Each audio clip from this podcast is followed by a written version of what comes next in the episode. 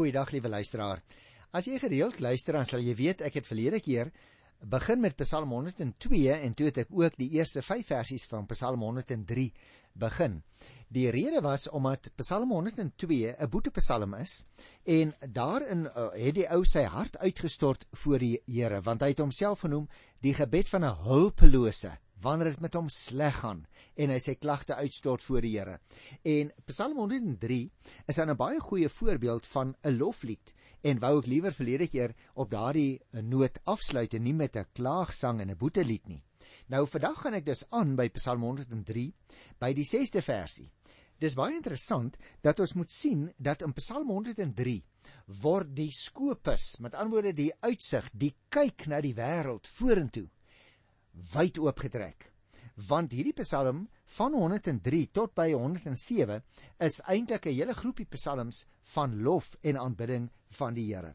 Nou goed, kom ons gaan dadelik verder met Psalm 103 vers 6 tot by vers 13 luister. Die Here laat geregtigheid en reg geskied aan almal wat verdruk word. Aan Moses het hy sy wil bekend gemaak, aan Israel wat hy van plan was om te doen. Barmhartig en genadig is die Here, lankmoedig en vol liefde. Hy sal ons ons sondes nie bly toereken en nie vir ewig toornig bly nie. Hy handel met ons nie volgens ons sondes nie. Vergeld ons nie vir ons ongeregtighede nie. Luister nou mooi. Want so groot as die afstand tussen die hemel en die aarde is, so groot is sy liefde vir die wat hom dien. So ver as die ooste van die weste af is, so ver verwyder die Here ons oortredinge van ons af. Soos 'n vader hom ontferm oor sy kinders, so ontferm die Here hom oor die wat hom dien. Is dit nie wonderlike wonderlike woorde nie, liewe luisteraar? Want jy sien, ons moet onthou, oos en wes kan ons nooit by mekaar uitkom nie, nie waar nie. Hierdie is dus 'n beeld van God se vergifnis. As hy ons vergewe, neem hy ons sondes heeltemal weg van ons af. Hy dink nooit weer oor hulle nie. En daarom hoef jy en ek ook nooit oor die sondes waarvoor ons reeds vergifnis ontvang het te loop en top nie. van die Here vergewe en vergeet. Ag, luisteraar, jy en ek is tog so geneig baie kere om die verlede op te rakel. Maar hier hoor ons nou baie duidelik die Here doen dit nie, want hy het dit uitgevee asof dit nooit was nie. En daarom moet jy en ek ook die Here se vergifnis in die openbaar uitleef as mense wat vrygemaak is deur die Here. Dit beteken natuurlik dat ons mense se sondes ook moet vergeet as hulle ons vergewe het vir wat ons teen hulle gedoen het. En andersom is dit ook waar. Ons moet mense wat vergifnis van die Here ontvang het, help en ons moet dit eintlik demonstreer aan hulle. Hoe vergeefde mense kan en mag lewe. En doen ons dit nie, dan wonder ek of ons regtig die vergifnis waarmee die Here ons vergeef en ons vrygemaak het, of ons dit regtig vir ons persoonlik toegeëien het. Voordat ek dus afstap van hierdie paar verse hier tot by vers 13 wil ek graag vir jou 'n persoonlike vraag vra as ek so voorbarig mag wees liewe luisteraar. Daardie sonde wat jy voor die Here bely het. Dit wat jy aan die voete van die Here Jesus neergelê het. En dit wat hy dus vir jou vergewe het. Want onthou in die Nuwe Testament leer ons dit ook. Daar in 1 Johannes kan jy gerus gaan lees herhaalde kere sê Johannes, hoe dat as ons ons sondes bely, God is getrou en regverdig om ons ons sondes te vergewe. 1 Johannes 1 af van die 8ste vers af. Gaan lees dit gerus en ook die res van daardie briefie in die Nuwe Testament. Daarom wil ek eintlik so 'n bietjie met jou raas hoor, as jy jou sondes voor die Here bely het, aan die voete van die Here Jesus gelê het en nog steeds lewe krom loop onder die gewig van 'n kruis asof jy nie vergeef is nie. Nee, liewe luisteraar, soos die Here ons vergewe sê hierdie psalms is dit asof die ooste en die weste twee punte wat nooit by mekaar kan kom nie die Here sit ons as dit ware aan die een kant neer sê net maar aan die ooste kant en daar in die weste kant daar sit hy ons sondes neer. En die kruis van Jesus Christus verhinder dat iemand of iets ooit weer daardie sonde as 'n klag teen jou en my mag inbring. Is dit nie wonderlike wonderlike bevrydende woorde nie. En daarom gaan ons voort met Psalm 103. Ek lees vers 14 tot by vers 19. Hy wat weet waarvan ons gemaak is. Hy hou dit in gedagte dat ons stof is. Die mens Sy lewensduur is soos die van gras, soos die van 'n veldblom wat oopgaan. As die woestynwind daaroor waai, is dit weg. Sy plek is altyd leeg. Maar onverganklik is die liefde van die Here vir die wat hom dien. Sy trou vir opeenvolgende geslagte, vir die wat getrou bly aan sy verbond en sy voorskrifte nakom. Die Here het sy troon in die hemel gevestig. Sy heerskappy strek oor alles en almal. Jy sien in hierdie verse by vers 14 tot 18 en 19 eintlik verskaf die Here nou die rede vir die genade wat aan ons betoon word. Die digter skrywe oor die verganklikheid van die mens se lewe aan die een kant en die ewigheid van God en die wydheid van sy genade aan die ander kant. Die Here weet wat om van mense te verwag, liewe luisteraar. En teenoor die verganklikheid van jou en my menslike lewe, wat maar soos gras is, daarteenoor staan die trou en die ewigheid en die genade van die Here. Baie interessant, die Here het die mens geskep uit die stof van die aarde. Onthou jy nog Genesis 2 vers 7? Hy ken dus ons moontlikhede soos die psalmis hier in vers 14 sê. Hy ken ook ons lewensduur soos hy in vers 14 en 15 hier beskryf. En daarom is die Here die mens genadig. Hy weet dat ons verganklik is. Hy weet dat ons 'n blom soos die veld is. En teenoor ons verganklikheid staan dan die Here se ewige liefde vir die wat hom dien, sê die Psalmis in vers 17. Sy trou geld vir hulle wat sy verbond hou en volgens sy voorskrifte lewe. Daarom liewe luisteraar, jy mag dalk 'n gelowige wees, maar mag ek jou weer eens 'n persoonlike vraag vra? Lewe jy volgens die voorskrifte van die Here? Want om verlos te wees, om vrygemaak van sonde te wees, beteken nie dat ons nou 'n vrypas het om te doen net wat ons wil nie. Om die sonde te doen na willekeur nie. Nee. Ons hou ons aan die voorskrifte van die Here. Nie omdat dit vir ons 'n stryd is nie, maar omdat ons in 'n verbondsverhouding met hom staan, omdat ons 'n liefdesverhouding met die Here het. En omdat hy die een is wat trou is, sy trou staan hier in vers 19a, staan vas in die hemel. Met ander woorde, selfs as jy en ek ontrou word, luisteraar, die goeie nuus wat ek jou wil gee, die Here bly getrou en daar van sy groot troon af Daarvandaan heers hy as koning oor almal en alles, sê vers 19. Nou en natuurlik ook in die toekoms. Kom ons lees die laaste stukkie van hierdie Psalm, vers 20 tot 22. Loof die Here, magtige engele wat sy opdragte uitvoer, sy beveelings gehoorsaam. Loof die Here alle hemelwesens wat hom dien en sy wil doen. Almal wat deur hom geroep is, Loof die Here op al die plekke waar hy heers. Ek wil die Here loof.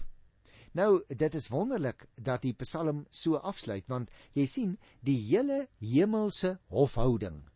Met ander woorde wat hy hier noem van vers 20 af, die magtige engele en die hemelwesens word ook nou opgeroep om die Here te loof hier in vers 20 en 21 en saam met alle mense sê vers 22 en saam met die bidder in die laaste sin van vers 22 met ander woorde die hemel en die aarde word dus saamgebind in 'n reënboog lofsang van engele en mense 'n ouverture tot die finale oorwinningslied wat 'n mens lees in Openbaring 19 sy eerste 9 verse. En ek dink, liewe luisteraars, ek wil tog 'n oomblik net daarin blaai, want dan kry mens, verskoon as jy nou die papier uh, se geluid hoor van hoe dat ek blaai hier na Openbaring 19 toe. Wat net vir ons sê, Psalm 103 is eintlik nog maar die begin van die groot lofsang waarvan ons lees in Openbaring by die 19de hoofstuk. Luister 'n bietjie. Hierna het ek iets gehoor soos die harde geluid van 'n groot menigte in die hemel wat uitroep: Prys die Here. Die oorwinning, die heerlikheid en die mag behoort aan ons God. Regverdig en reg is sy oordeele, want hy het die oordeel voltrek oor die sedelose vrou wat die aarde deur haar onsedelikheid verwoes het. Hy het die dood van sy dienaars op haar gewreek. Verder het hulle geroep: Prys die Here. Haar rook styg tot in alle ewigheid op Die 24 ouderlinge en die vier lewende wesens het gekniel en God aanbid wat op die troon sit. Hulle het gesê: Amen. Prys die Here. En toe daar 'n stem van die troon af gekom wat sê: Loof ons God al sy dienaars, die wat hom vrees, klein en groot. Ek het toe iets gehoor soos die geluid van 'n groot menigte, soos die gedruis van 'n groot watermassa, soos die gedreun van swaar donderweer. Hulle het geroep: Prys die Here. Die Here ons God, die Almagtige, heers nou as koning. Laat ons bly wees en juig en aan hom die eer gee, want die bruilof van die Lam het aangebreek en sy bruid het haar daarvoor gereed gemaak. God het haar dit vergun om fyn, helder, blink klere aan te trek. Hierdie fyn klere is die regverdige dade van die gelowiges. Toe sê die engel vir my: "Skryf op: Geseënd is hulle wat aan die bruilofsmaal van die Lam uitgenooi is." Verder het hy vir my gesê: "Dit is die woorde van God en hulle is waar." Nou as ek nou teruggaan na Psalm 103 toe, dan sal jy nou baie goed verstaan hoekom ek vir jou sê die groot lofsang stuur af en gaan uiteindelik uitloop op die liedere en die sang wat uiteindelik aan die ewige God gebring word. Wat sou jy en ek nou kon sê? Wat is die betekenis van Psalm 103 vir jou vir my persoonlik wat nou nog in hierdie lewe is? Dit lê vir my die betekenis lê daarin dat ons mag weet die Here die digter van die rand van die dood af verlos. Dit het ons verlede program gehoor daar in die 4de vers. Die Here skenk genade en vergifnis en genesing en as getuienis vir hierdie gebeurtenis in die lewe van die enkeling staan dan die verhaal van Israel wat vir ons in hierdie Psalm in 'n paar woorde opgeteken is met wie die Here sedert die dae van Moses se verbond gesluit het. Nou volgens die Nuwe Testament het God se genade vir jou en vir my in Christus gekom. Daarom kan jy en ek ook Psalm 103 aantrek soos 'n jas en saam met al die sangers, ook die ewigheidssangers, daar in Openbaring 19 waar ek nou so 'n stukkie gelees het, kan ons almal saam die Here nou alreeds loof. En dit bring ons dan luisteraars by Psalm 104. Ek het vir jou gesê hierdie paar lofpsalms wat so saamgevoeg is hier in die 4de Psalmbundel strek tot by Psalm 107. Daarom is dit ook maklik vir my om hierdie spesifieke psalms te onderbreek want een loop in 'n sekere sin oor na die ander toe. Nou jy sal sien in die Afrikaanse teks is die opskrif by Psalm 104 Ek wil my in die Here verbly. Dit is 'n skepingslied luisteraars en ek dink dit is een van die parels onder die psalms hoor wat nie die mens of die natuur verafgod nie, maar die koninklike luister van God die Skepper weerkaats en vir ons beskryf op 'n baie pragtige manier. As jy nou vir my sou vra nou broer Johan, waar is nou 'n goeie geleentheid om spesifiek Psalm 104 te sing, dan dink ek, ons nou, kan dit enige dag sing, maar ek dink nogal lentedag sal 'n goeie dag wees, 1 September, nee, wanneer ons sê dis lentedag. Want jy sien, Miskien ek weet nie wat is jou omstandighede nie. Miskien sit jy iewers in ons land of iewers in die wêreld te luister na hierdie program van ons en jy uh, jy beleef 'n winterdag of 'n reendag of miskien 'n baie sonnige dag. Die somer brand 'n ou dood, sê jy dan vir die ander mense. Maar sonder dat mense dit besef luisteraars, het ons presies gedoen wat die Ou Testamentiese gelowiges soms gedoen het. Hulle het naamlik nie die vier seisoene onderskei nie, maar net twee: somer en winter. Dit was die twee belangrike seisoene vir hulle. Daarom ook dat ons nooit eintlik die woorde herfs en lente in die hele Bybel kry nie. Het jy dit al opgemerk? Die tussenseisoene het eintlik nie vir hulle bestaan nie. Dit was maar eers later onder die invloed van die Griekse denke dat daar vier seisoene begin onderskei is in die geskiedenis. Maar ek sê dit maar net so tussen hakies vir jou dat ons ook die agtergrond van die Bybel en dit wat ons in die Bybel lees so bietjie beter kan verstaan. En daarom het ek net nou vir jou gesê in ons terme uh, hier waar ons aan die suidpunt van hierdie pragtige kontinent woon en uh, Middellandse See klimaat belewe kan ons van Psalm 104 praat as 'n lied vir die lentedag. En daarmee bedoel ons dan gewoonlik dat die seisoen besig is om te draai en dat die lente ook in die natuur besig is om deur te breek. Nou in sommige lande van die verre noorde luisteraars, stap die kinders aan die einde van die winter met groot skoene oor die laaste sneeu voordat dit begin smelt. Hulle klop dan aan die bome se bas en hulle sê vir die vir die boom: "Oom boom, word wakker. Dis somer." En daarom wil ek amper vir jou sê, liewe luisteraar, kom jy en ek klop ook 'n slaggie so bietjie aan die bome. Ons kyk na die natuur en ons sê: "Steek julle bloeisels uit. Laat julle blare in die wind waai." want die Here wentel die seisoene. En daarvoor is Psalm 104 dan baie goed. Nou in hierdie Psalm wil die digter basies lyk dit vir my luisteraars net een ding doen. Hy wil die Here loof en hy doen dit op grond van God se almag wat ook uit die skepping blyk. Kom ons kyk na die eerste versie, vers 1 en vers 2a, soos wat ons dit hier kry in Psalm 104. Ek wil die Here loof Here my God, U is baie groot. U is bekleed met koninklike luister. U is met 'n kleed van lig omhul. Miskien, liewe luisteraar, moet jy en ek ook weer 'n keertjie wegkyk van onsself af, van ons baie probleme af. Soos 'n mens, wanneer jy baie keer so bietjie in die vrye natuur rondloop, jou kop word skoon, jou oë draai jy opwaarts. Ek wil amper vir jou sê, Godwaarts. En miskien is dit juis op 'n mooi dag in die natuur wanneer die Here ook vir jou demonstreer hoe goed hy alles geskep het is dit 'n guldige geleentheid om sommer al jou probleme te vergeet te slaggie hy sê daar aan die einde van die eerste vers het jy dit onthou Here my God u is baie groot u is bekleed met koninklike luister u is met 'n kleed van lig omhul en 'n mens wil veral die Here loof as jy kyk wat hy verder sê vers 2b tot by vers 5 kom ek lees daai hele gedeelte Dit is u wat die hemelkoepel soos 'n tentdoek gespanne vir u woonplek ingerig het oor die waters daarbo. U wat op die wolke ry op die vleuels van die wind. U wat die winde u boodskappers maak, die weerligte u dienaars. U wat die aarde stewig gevestig het sodat dit nooit weer wankel nie. Jy sien luisteraar, dis duidelik dat die digter nie net naby die Here lewe nie, maar ook naby die natuur. Die hemelkoepel is as dit ware die groot hemeltent wat bokant hom uitgespan is. Om dit beter te verstaan, moet 'n mens natuurlik die wêreldbeeld van die Ou Testament in gedagte hou, luisteraars. Die wêreld is naamlik gesien as 'n plat skyf in die tyd van die Ou Testament, waarop die uitspansel soos 'n gekoepelde glasdeksel gerus het. Daar's 'n watermassa wat bo kan die koepel is, want die mense het vir hulle gesê, "Man, kyk, staan hier op die plat aarde, kyk boontoe, daar na die hemel toe, dan sien jy mos Dit lyk soos water daar. Ja, dit is water, want baie keer val dit nog onder toe. So mense het gedink die aarde is plat, daar's 'n koepel en bo aan die koepel is daar water. En as jy dan die venstertjies in die hemel daarbo oopmaak, het hulle geglo, dan kom die water in en dan reën dit.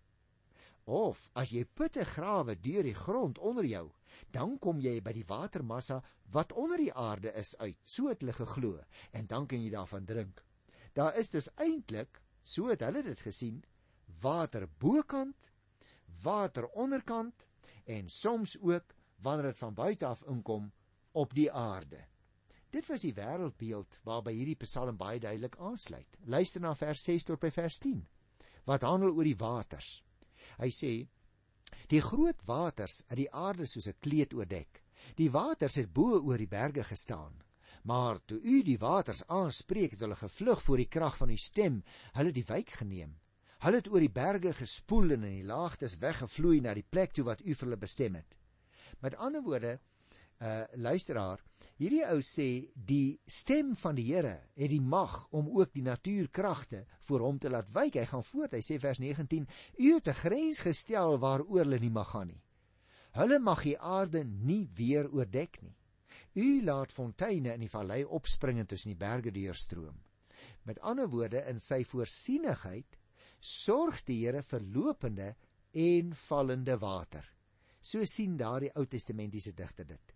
Die digter loof dus die Here daarvoor, want sonder water kan geen nuwe lewe natuurlik op die aarde voortkom nie. En daarom kom hy nou by vers 11 tot 18 kom hy by die plante en die diere. Luister so 'n bietjie. Daar kom al die wilde diere drink en die wilde donkies hulle dors les. Die voëls maak hulle nesse langs die water en kwetter tussen die takke. Uit die hemel laat U dit op die berge reën. Die aarde word versadig deur die reën wat U gee. U laat gras uitspruit vir die diere, groen plante vir die mens, sodat hy sy kos uit die aarde kan kry. Wyn om mense se harte bly te maak, olie om ons gesig te versorg, kos om die mens nuwe krag te gee.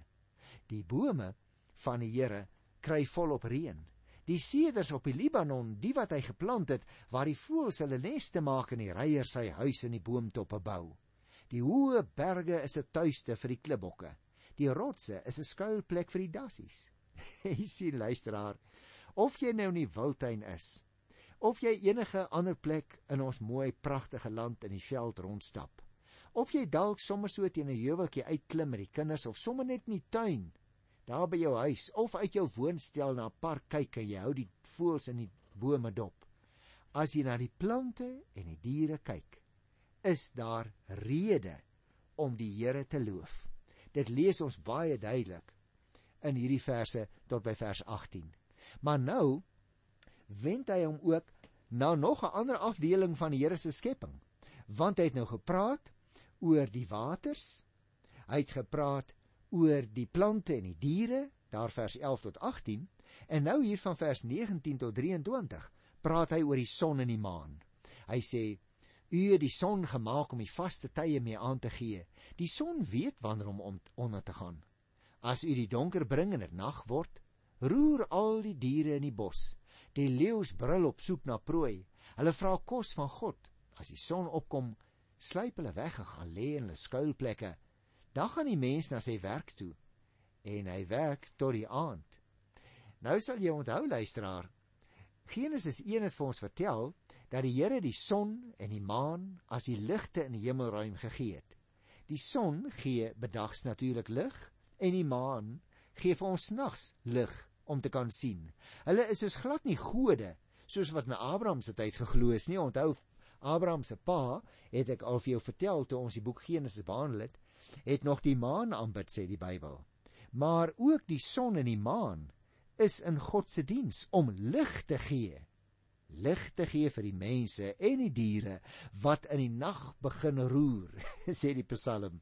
Ag, ons kan maar net daarop reageer en sê loof die Here daarvoor, né? Maar kom ons kyk na vers 24 tot 26. Nou praat hy oor die see. U het baie dinge geskep, Here. Die aarde is vol van wat u gemaak het en tog U het alles in wysheid geskep. Daar is die see, groot en wyd wat wemel van diere, groot en klein. Daar vaar die skepe en daar is die Leviathan. U het hom gemaak om mee te speel. Jy sien luisteraar, die seewater word hier op 'n baie plastiese manier besing, maar nou ook as die blyplek van die see diere, groot en klein staan daar. Dis ook die plek waar die skepe vaar. Die Leviathan, interessant, word spesiaal genoem. Nou ek het al van tevore vir jou gesê en die mens kry dit ook in Psalm 74 vers 14 en Jesaja en Job 3 vers 8 byvoorbeeld waar die Leviathan ook genoem word.